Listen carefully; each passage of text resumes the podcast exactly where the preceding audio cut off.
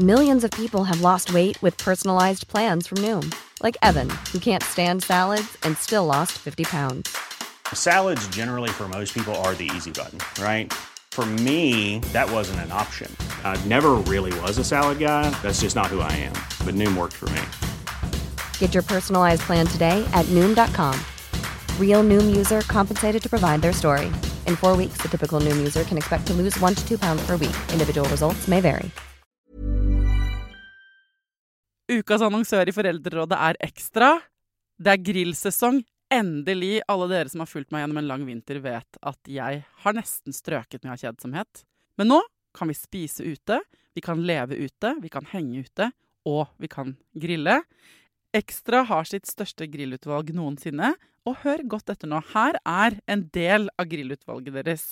Habanero-pølser, salsiccia-pølser, black aged pepper-pølser, cheesy bacon-pølser, beefy burger, cheesy burger, skinny burger, big beefy gourmet-burger, fiskeburger med hvitløk, fiskeburger med baconrødbet og søtpotetburger, soppburger, barbecue, grillfilet, svinenakke med oregano og tomat, urtemarinert fårefilet, brisket, eller brisket som det egentlig heter, T-bone steak, flank steak, tomahawk, laksefilet med pesto, laksefilet med sitron, scampi med hvitløk og urter, crispy fiskeburger med ost, kyllingfilet med sitron og urter, kylling overlår, gyros, kyllingspyd, smoke, barbecue, lårfilet av kylling og entrecôte. Takk for meg. Dette er bare noen av produktene i Ekstra sitt største grillutvalg noensinne, og kommer bl.a. fra Norges mest prisvinnende grillserie, Grill Perfekt.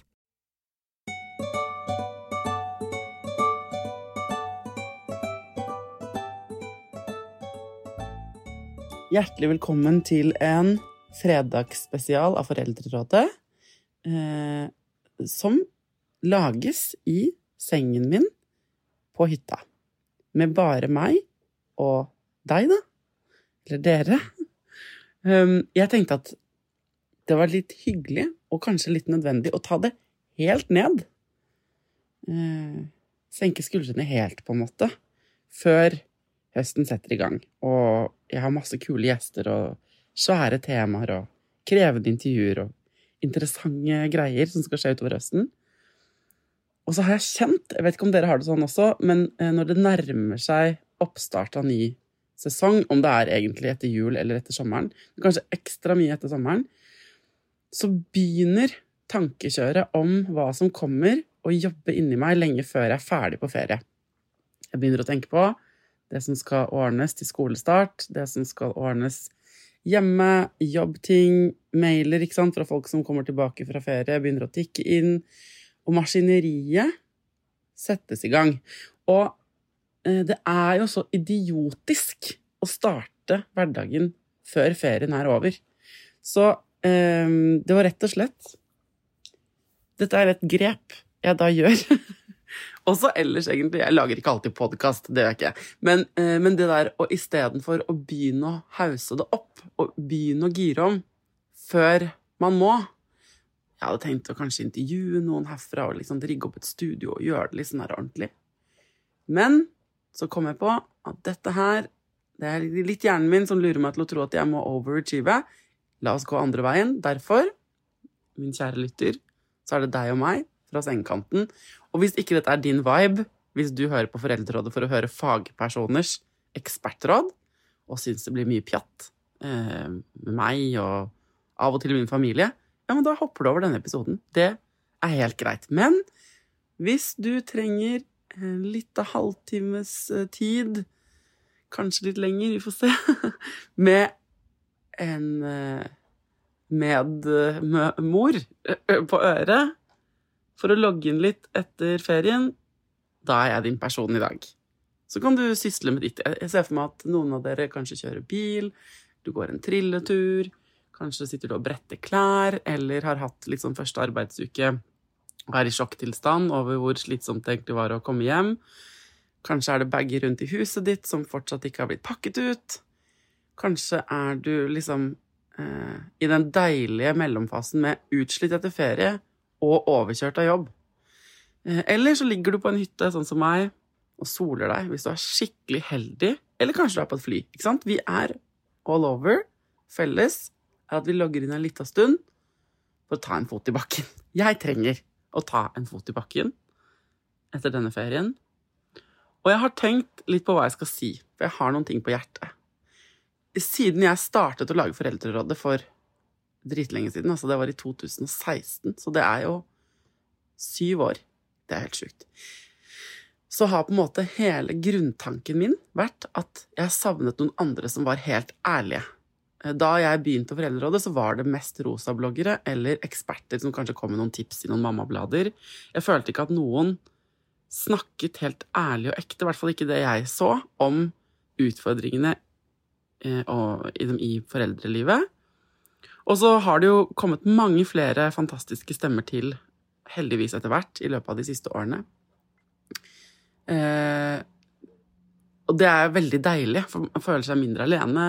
Jeg har hatt mange av de stemmene på besøk i podkasten, på sosiale medier, folk som har andre podkaster, folk som skriver bøker. Eh, og så er det litt sånn interessant for meg å, å se, siden det har vært min kjernesak siden jeg begynte å lage podkast, at jeg ville eh, eh ja, eksponere at jeg ikke syntes det var så innmari lett alltid, at jeg ikke fikk til amming, og at jeg hadde drittmange spørsmål om hvordan få ungen din til å sove, og jeg hadde sant, behov for å være ærlig om at jeg ikke syntes det var en dans på roser. Og så er det interessant at nå, da, når mitt barn er tolv og et halvt, øh, og jeg har masse mer erfaring i morsrollen fra livet sjæl, og i tillegg nesten syv års erfaring fra å sitte og intervjue eksperter, så er det sånn at de samme følelsene av liksom utilstrekkelighet eller hva det er, kan dukke opp nå. Og det har de gjort mye eh, i ferien.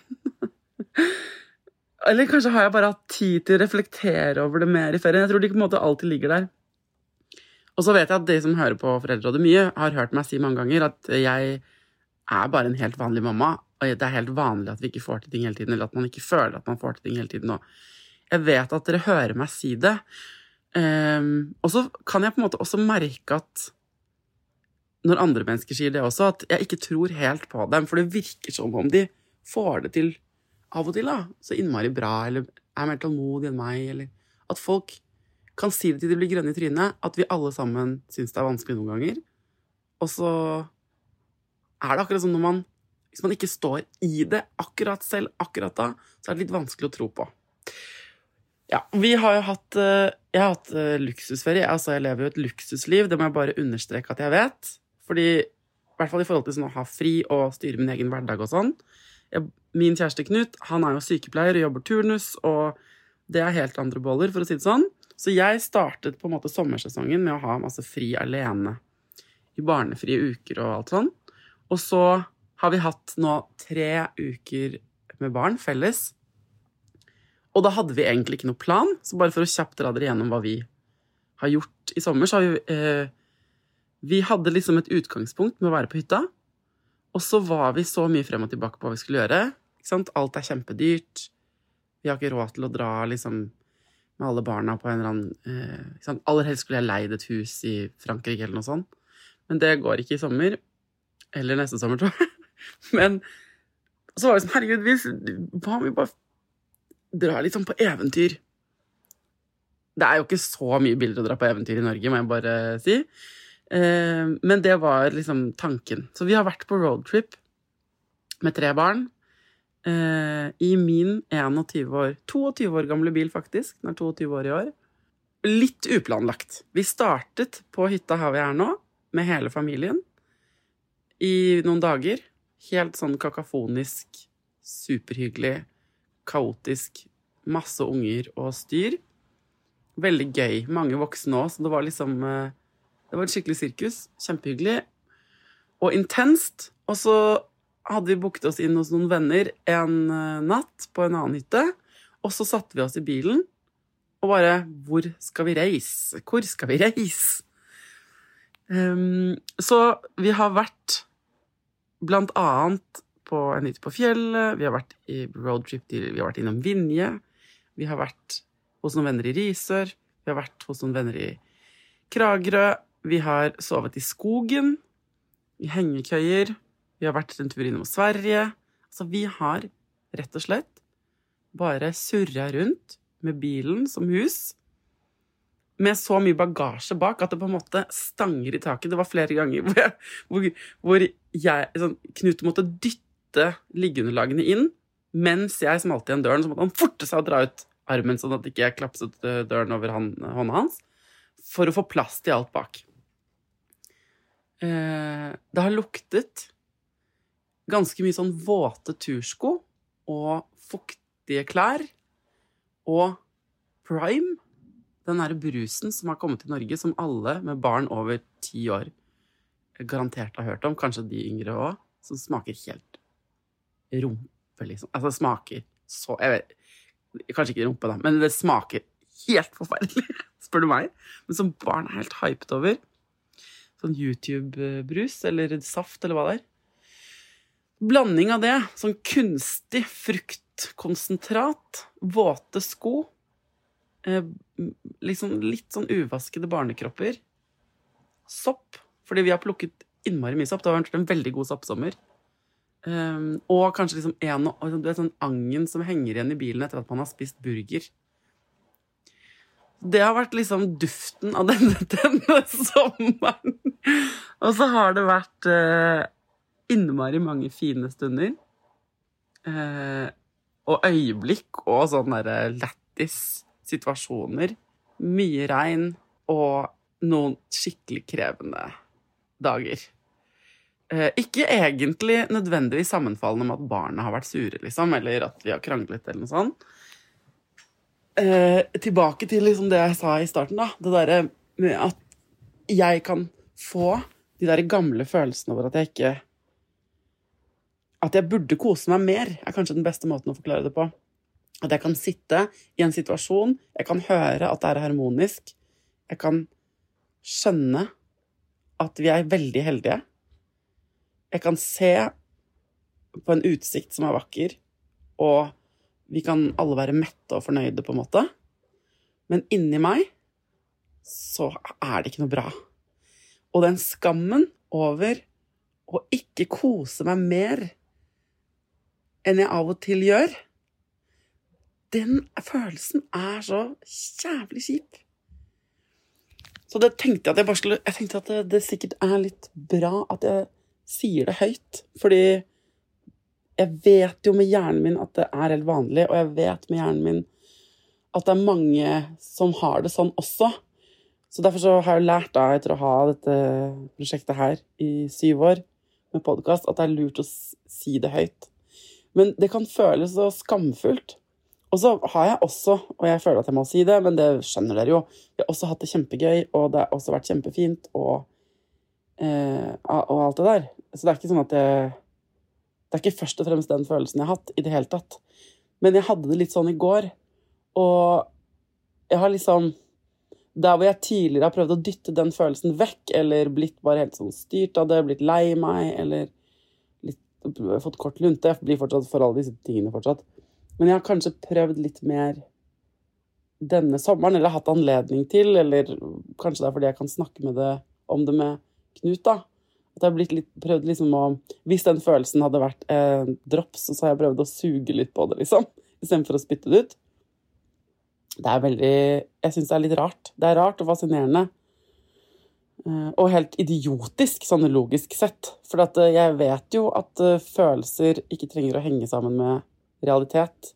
Hjernen min vet alle disse tingene, ikke minst etter syv år med podkast og alle eksperter jeg har snakket med, som forteller meg hvordan nervesystemet fungerer, og at tanker bare er tanker, og at følelser henger sammen med helt andre ting. Og jeg vet at jeg skal bare møte de følelsene, og jeg vet hvordan jeg skal snakke om det, og alt det der.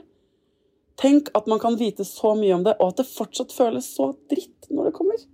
Det er så irriterende. Det er veldig irriterende. Så jeg har sittet eh, annet på et helt nydelig, vakkert eh, liksom campinghytte. Vi leide men sånn løftet Det føltes som folkemuseet. Det var som folkemuseet. De har liksom bygget opp campinghytter av gamle setre, eh, sånn stokk for stokk, og laget en utrolig fin plass i Vinje, hvor det også er vedfyrt bakeri, hvor man kan kjøpe ferske boller.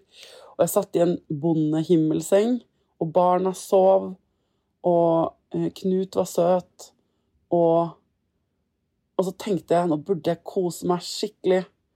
Og så koste jeg meg ikke. I det hele tatt. Inni meg. Og så pleier søstrene mine De er jo mine mennesker når jeg har det sånn. Og jeg vet hva de pleier å si. Sant? For det er ofte tegn på at det er flatt batteri. Eh, og det, det jo, eh, har det jo vært litt, ikke sant? For det er jo intenst. Det har vært intenst å være så mange i en liten bil i regn på tur. Så når jeg snakker om dette nå, så dukker det opp også sånne behov for å si sånn Det går bra, og det kommer til å Jeg vet at dere skjønner at uh, det ikke er så big deal, og kanskje har Mest sannsynlig har noen av dere hatt en helt jævlig sommer fordi det har skjedd forferdelige, ekte ting eh, som har skjedd liksom utenfor dere selv, eller dere har strevd i samlivsbrudd eller sykdom eller hva det nå enn er. Men det er nettopp det. Også når jeg sitter i den himmelsengen, i den bondesengen, så er det nettopp det at jeg vet at jeg er så innmari heldig, som gjør at den følelsen av at jeg ikke koser meg, føles ekstra dritt. Jeg har heldigvis eh, også vært veldig god til å fylle på tanken.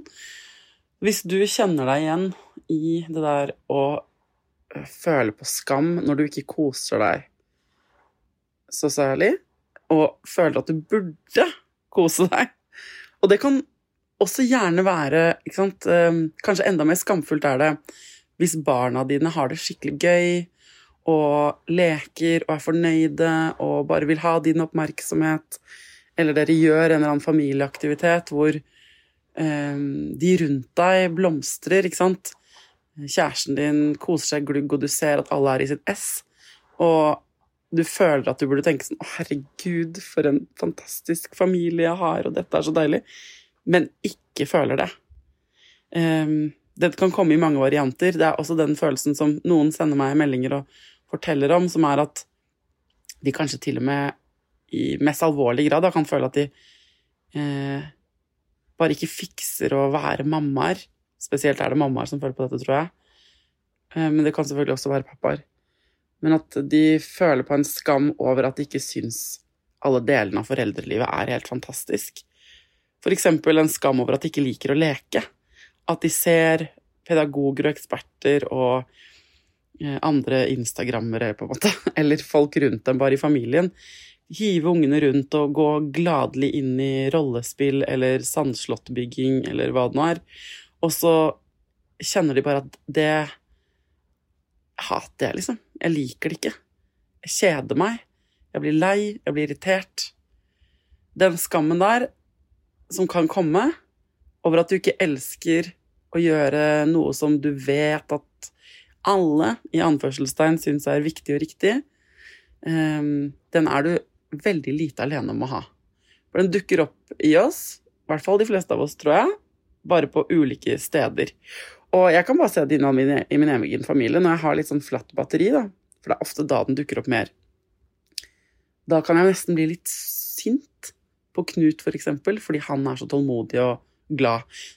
Jeg kan eh, for eksempel ha veldig behov for å bare sole meg litt. Ikke at det har vært så veldig mye tid til det denne sommeren, eller vær til det.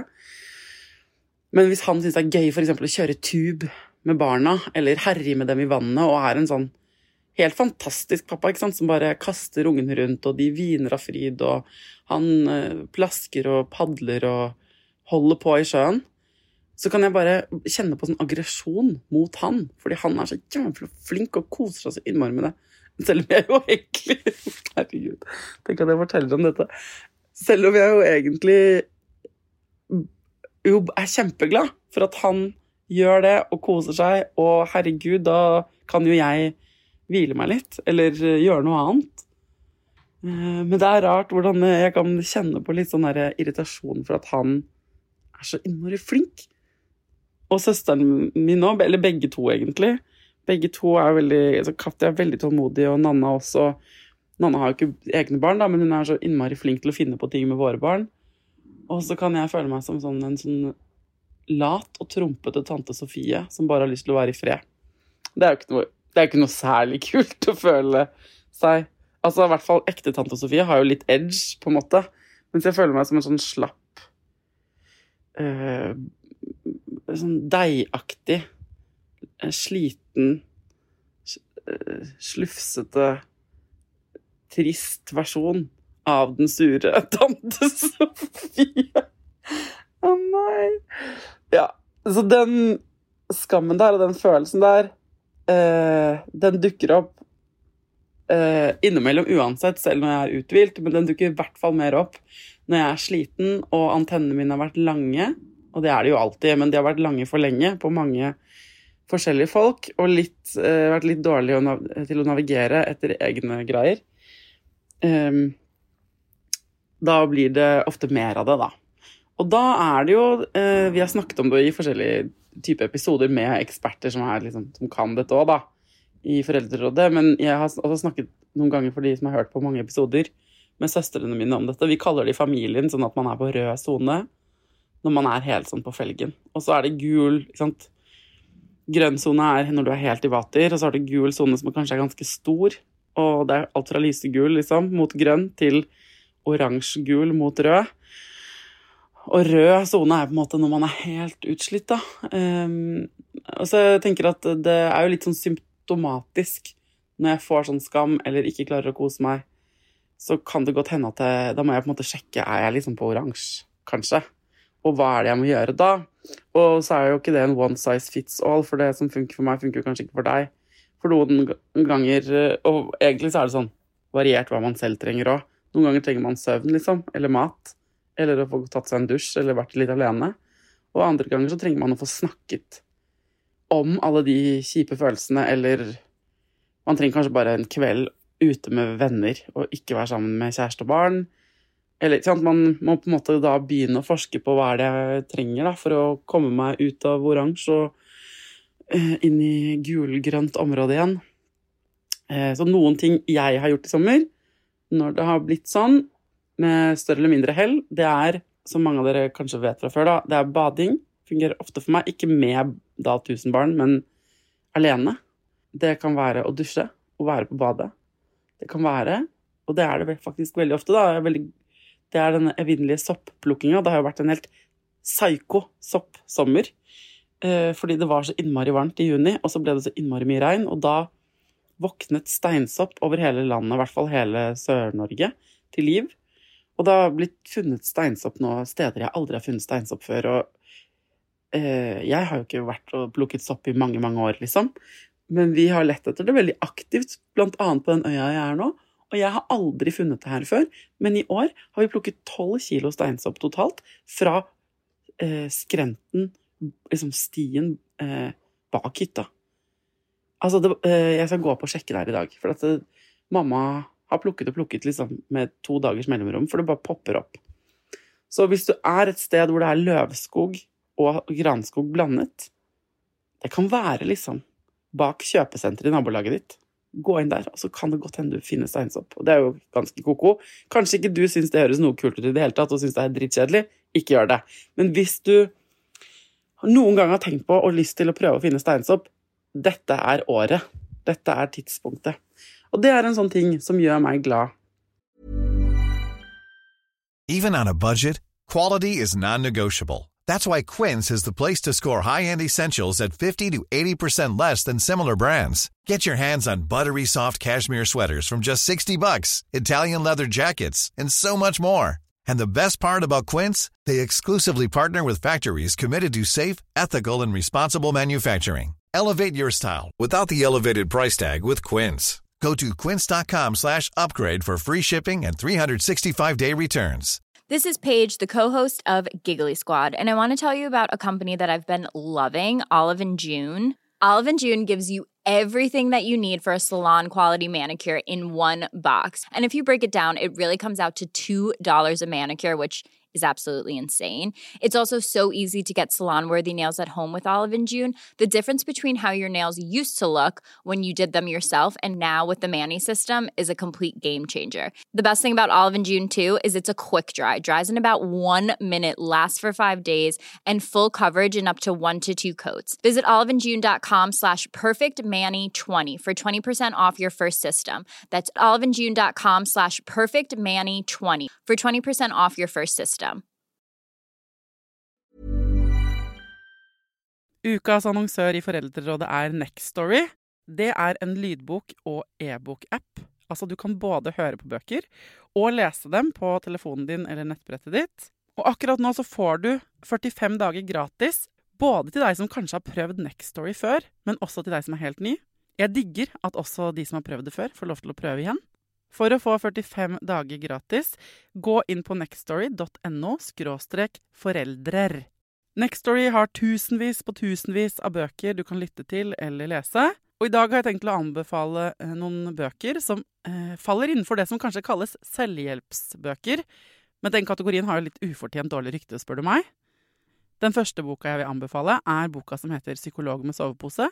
Johanne Refseth, som har skrevet den boka, var jo gjest her for noen uker siden. Den er absolutt verdt å lese, eller lytte til. Andre anbefalingen jeg vil gi deg, er Sissel Grans bok 'Men størst av alt er begjæret', som handler om det å begjære noen andre enn den du er sammen med. Og jeg har også laget en episode med Sissel Gran om det temaet for et par år siden. Den boka er fantastisk. Hvis du har lyst til å prøve ut Nextory for første gang, eller eh, har prøvd ut før, men vi prøver det ut igjen, helt gratis i 45 dager, gå inn på nextstory.no skråstrek foreldrer. Og så må jeg innrømme at jeg har hatt noen meltdowns. Det er jo på en måte det kroppen til slutt gjør da, når man blir veldig irritert eller frustrert. Så jeg har hatt liksom i hvert fall to ganske sånn eh, litt sånn utbrudd i bilen på denne turen vår. Og det er jo også litt skamfullt. Det er jo min egen unge jeg har havnet i diskusjon med, for han Jeg skal ikke utlevere noen av barna, egentlig, har jeg bestemt meg for i denne episoden. Det er litt vanskelig å snakke ærlig om meg og mine ting uten å liksom fortelle noe om dem. Men det er eh, viktig at jeg ikke deler for mye også. sånn at hvis dere har veldig mange spørsmål og lyst til å vite ting om, om våre barn, på en måte, så skjønner dere kanskje også hvis Eller jeg håper at dere har forståelse for at jeg kan ikke fortelle altfor mye. Én ting er min egen unge. Der er jeg veldig sånn trygg på hva jeg kan si og ikke si. Eh, men han blir jo også eldre, og så jeg, bor jeg jo sammen med to barn som jo ikke er mine. Altså, jeg elsker dem, og jeg bor med dem halvparten av tiden. Men de er verken biologisk eller juridisk mine unger. Og det er helt upassende at jeg skal liksom utlevere dem. Og dermed er det også litt vanskelig å snakke om detaljer i eget privatliv, ikke sant? for det er jo også deres hverdag. Men jeg føler meg helt trygg på at jeg kan fortelle at jeg har fått et par meltdowns i bilen. Og, eh, og det altså type sånn Nå er det nok! Jeg er så lei! Altså sånn ah, blowouts. Altså litt sånn sinneutbrudd. Vanligvis i en hverdag hvor vi er i et hus eller et annet sted, så kan jeg jo ta det med mitt barn. Men når vi er alle sammen stappet inn i en liten bil, så går jo dette her er det noe alle får med seg. På godt og vondt, vil jeg si. Men jeg kjenner der at jeg står ganske støtt i at uh, det er lov å bli sint. Og uh, det som har vært litt fint, er at vi jo da alle sammen også har fått være med på opprydningen. For det er klart, etter at man blir forbanna, så må man si unnskyld, og så må man rydde opp. Og så tror jeg at det er litt bra, på en måte, at barn får være med på å se at vi er bare helt vanlige mennesker, og det renner over oss for oss eh, også, liksom. Jeg håper det.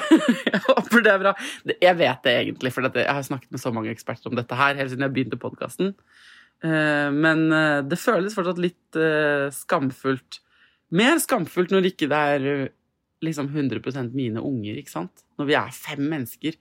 Det går utover fire andre, liksom. At jeg ikke har fylt på min egen tank, på en måte. Det er jo ikke noe kult. Så da er det først sinne renner over, så eh, skam over at jeg ble sint, og så sorg over at jeg skammer meg, og så går det en liten sånn deilig liten, en liten potpurri av alle de kjipeste følelsene, som så må samles og ryddes opp i. Og unnskyld må leveres der unnskyld er påkrevd, og så snur heldigvis stemninga og så kan vi høre på høy musikk og synge igjen. Det som vi egentlig har gjort, er jo å, skjønner jeg nå, drive eksponeringsterapi på hele bonusfamilien. Og det tror jeg har vært lurt, egentlig. Eh, det har vært slitsomt, ja. Det har vært innmari gøy. Og det har gitt veldig avkastning. For man blir jo mer sammensveiset som en trupp. Så nå ser jeg det liksom eh, eh, i eh, familiedynamikken. Nå, de siste dagene etter tre uker med dette, så syns jeg jeg ser det i at vi har på en måte kommet inn i en tralt. forstår hverandre bedre og finner løsninger på problemer fortere og sånn. Så går det fortsatt selvfølgelig en kule varmt, og det er lov. Det er jo lov, det. Det er lov at det skal være litt hektisk innimellom. Jeg har snakket med en del av mine venninner også denne sommeren, og det virker som at det er veldig vanlig der ute, og dette sier jeg høyt fordi eh, jeg tror flere av dere kanskje trenger å høre det. I hvert fall syns jeg det var fint å høre det fra mine venner. Men det har tikket inn meldinger i sånne diverse gruppechatter, og jeg har hatt telefonsamtaler med venninner som er så slitne fordi de føler at ungene har kranglet så mye. Og at man går rundt og, og liksom prøver å lage en fin sommerferie og føler ganske ofte på eh, at det ikke er bra nok, og at ingen er fornøyde, og at ikke de er fornøyde nok, og alt det der. Så eh, hvis du har følt på det, eh, så er du i veldig godt selskap, og hvis du ikke har følt på det, fy fader, så deilig, da. Så veldig, veldig deilig, og så heldig du er som har hatt en avbalansert og god sommer hele veien. Eh, det unner jeg alle.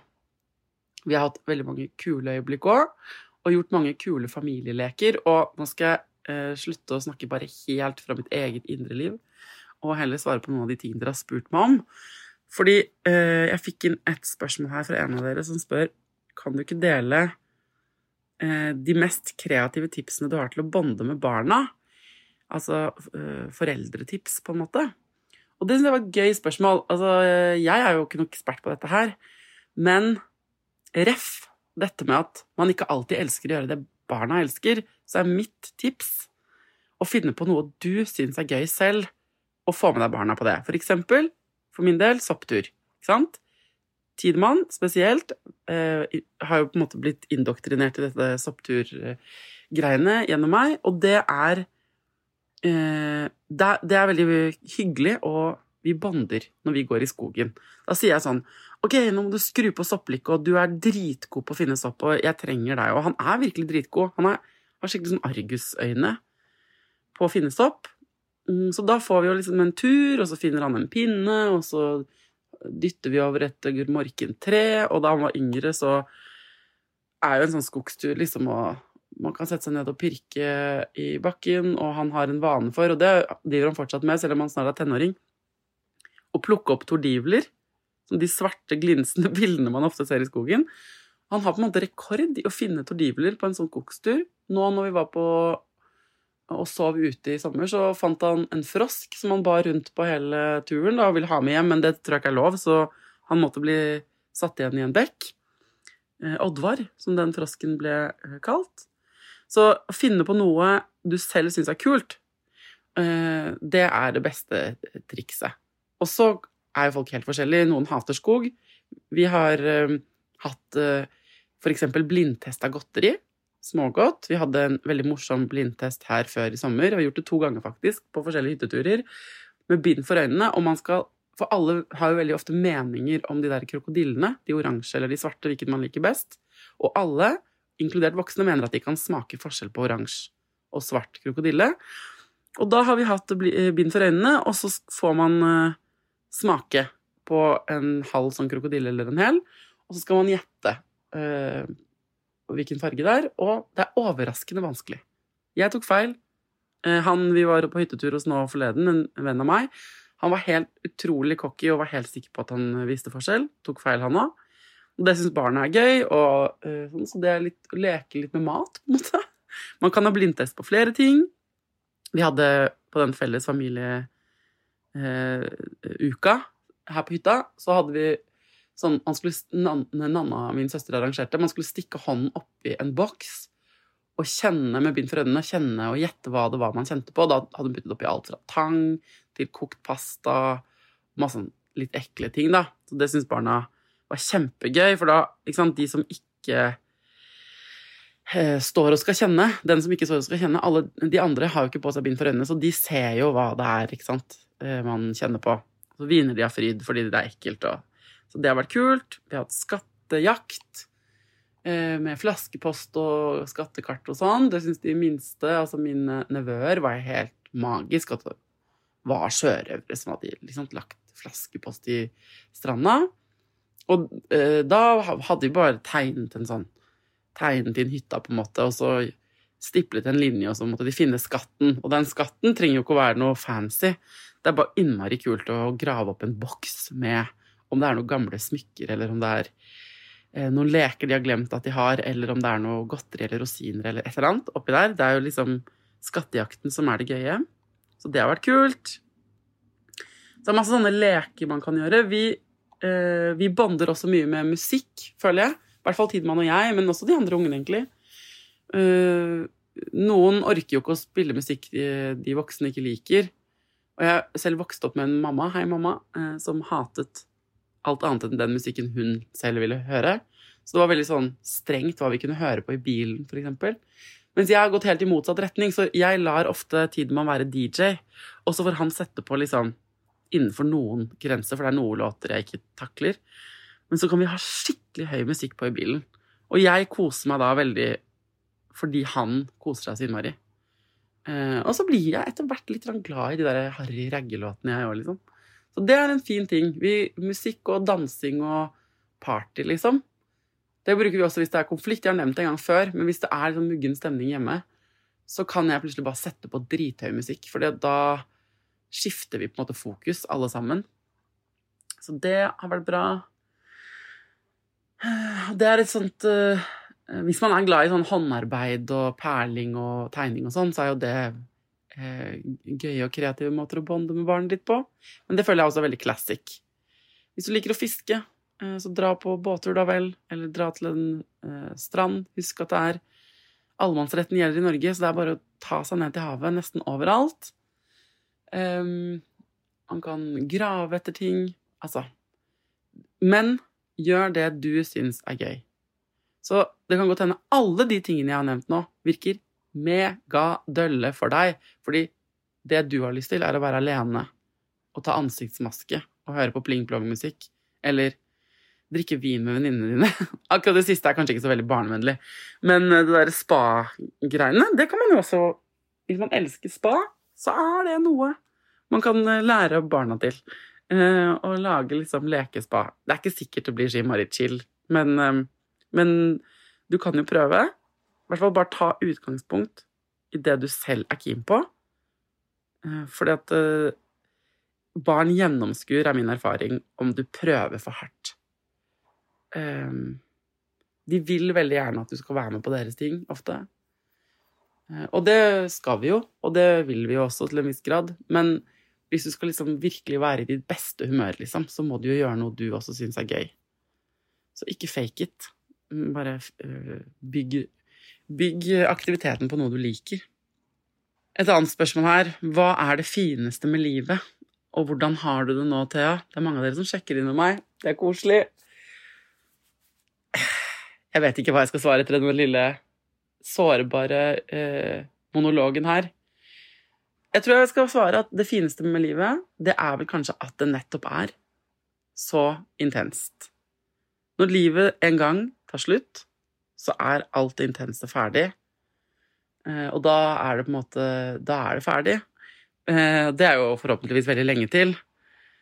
Eh, men jeg tenker ofte på, og det er en trøstende tanke når det liksom virkelig koker og det er for mye, og jeg kan kjenne at jeg er sliten og sånn, så kan en trøstetanke jeg har oppi de kjipe tankene være dette her, som føles veldig sterkt og altfor mye på en gang, det er jo akkurat det jeg kommer til å savne når ting blir litt sånn stille og barn er store og livet er liksom veldig rolig. Så kommer jeg nok til å se tilbake på den derre intense det var, liksom, overloaden av følelser og aktiviteter og alt mulig, og ha romantisk blikk på det. Så det fineste med livet er vel kanskje at det er så mange ting på en gang. Jeg er jo en type som liker det.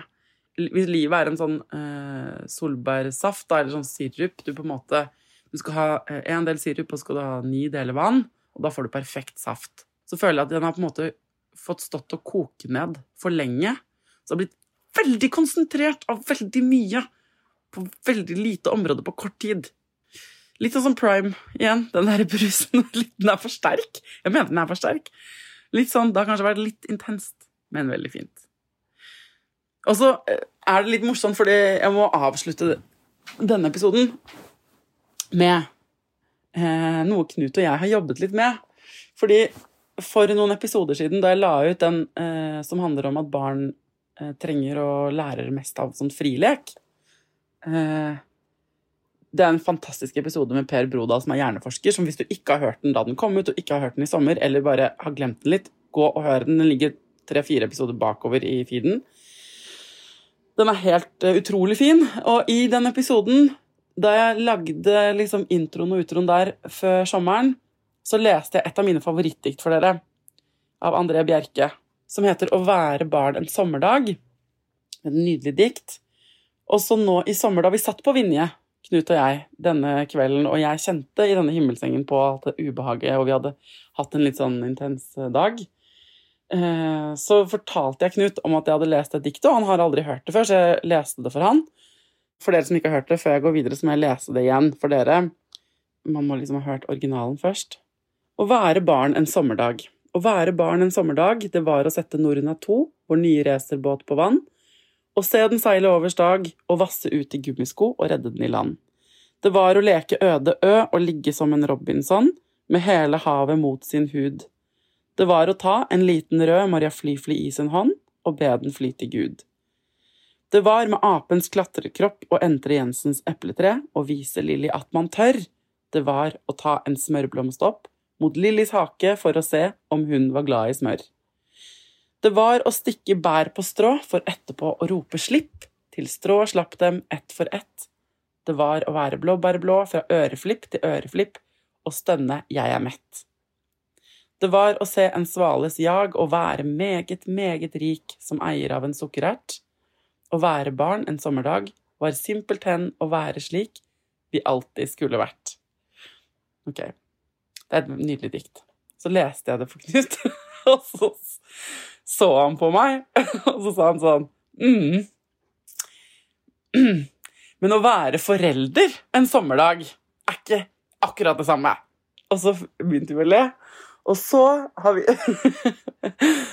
har vi tenkt altså, Egentlig så har vi snakket litt sånn stygt, deilig stygt om den idylliseringen til André Bjerke om den fantastiske livet. Og det er jo helt sant. Jeg elsker dette diktet. Jeg har båret det inni meg hele siden jeg selv var barn. Ikke sant? Men, men hvis du snur på det, så har vi da i løpet av sommeren, etter tøffe dager, rett og slett forfattet det diktet André Bjerke ikke skrev. Og det har jeg tenkt å lese for dere nå. ok. Og det er selvfølgelig ikke på rim, for det orker ikke foreldre en sommerdag. Ok? å være forelder en sommerdag. Å være forelder en sommerdag, det er å bære jævla mange ting i hender, armer og i sekk. Hver time, hver dag, hvert minutt. Det er å henge håndklær opp fra våte krøller rundt omkring og rope 'det er leggetid' for aldri å bli hørt. Det er å bremse skjermtid som skrensende hud mot asfalt, bremse et godstog av usunt behov for TikTok, YouTube og Snap. Det er å se på tusen hopp fra bryggekanten når du endelig kunne ha hvilt deg i to sekunder, og likevel få kjeft, for du så ikke på meg, jo. Det er å sparkes i korsryggen mil etter mil fordi veien er for lang, bilen er for trang, Sidemannen kom borti en sving, og nå er helvete løs. Er vi fremme snart? Kan vi stoppe snart? Hvorfor er ferien så døll? Å være forelder en sommerdag er å rydde skorper og lomper med snerk av sennep de ikke ville ha likevel. Kan jeg få mer skjermtid nå? Jeg vil ikke sove, jeg vil ikke spise, de andre har det fetere på ferie. Å være forelder en sommerdag er å smile i regnvær når alt lukter muggen sokk og du må gå Pokémon-tur på fjerde timen. Det er community day, for faen! La oss fange 14 shinies. Det er å ikke ha voksentid mer, for barna skal ikke sove bort sumernatta. De sover sjelden bort sumarmorgonen, også forresten. Våtservietter, glemte sandaler, skrubbsår, knust skjerm og prisen på Prime i butikken. Å være forelder en sommerdag, er bra, det, for det er dette som er livet men det er heller ikke helt krise at hverdagen snart er i gang. Takk for oss. Det var eh, en hilsen fra eh, Knut og Thea. Sommeren 2023. Jeg gleder meg til blanke ark og fargestifter til. Jeg gleder meg til hverdag. Jeg gleder meg til jobb. Um, og så skal jeg med det nyte alt jeg kan. Uh, det koselige med å ha to dager til i sommerferien med unger og kjæreste og båt og sjø og alt det som jeg er så heldig å ha. Eh, til neste gang, ta vare på deg sjæl, ta vare på ungen din, og lykke til.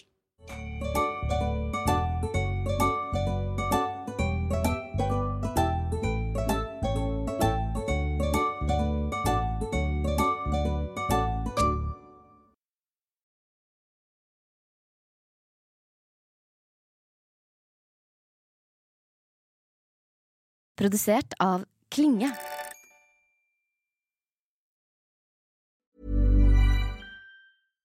Hi, I'm Daniel, founder of Pretty Litter. Cats and cat owners deserve better than any old fashioned litter. That's why I teamed up with scientists and veterinarians to create Pretty Litter. Its innovative crystal formula has superior odor control and weighs up to 80% less than clay litter. Pretty Litter even monitors health by changing colors to help detect early signs of potential illness. It's the world's smartest kitty litter. Go to prettylitter.com and use code ACAST for 20% off your first order and a free cat toy. Terms and conditions apply. See site for details. Hey, it's Paige DeSorbo from Giggly Squad. High quality fashion without the price tag? Say hello to Quince. I'm snagging high end essentials like cozy cashmere sweaters, sleek leather jackets, fine jewelry, and so much more. With Quince being 50 to 80% less than similar brands.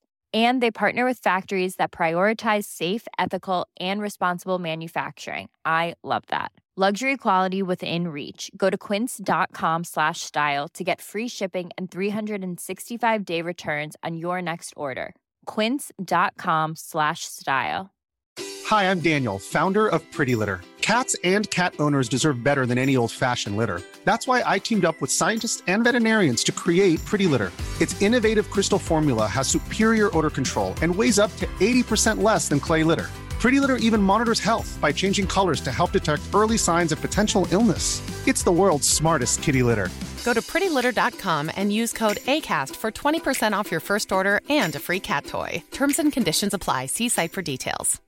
Imagine the softest sheets you've ever felt. Now imagine them getting even softer over time. That's what you'll feel with Bowl and Branch's organic cotton sheets. In a recent customer survey, 96% replied that Bowl and Branch sheets get softer with every wash. Start getting your best night's sleep in these sheets that get softer and softer for years to come. Try their sheets with a 30-night guarantee. Plus, get 15% off your first order at bowlandbranch.com. Code BUTTERY. Exclusions apply. See site for details.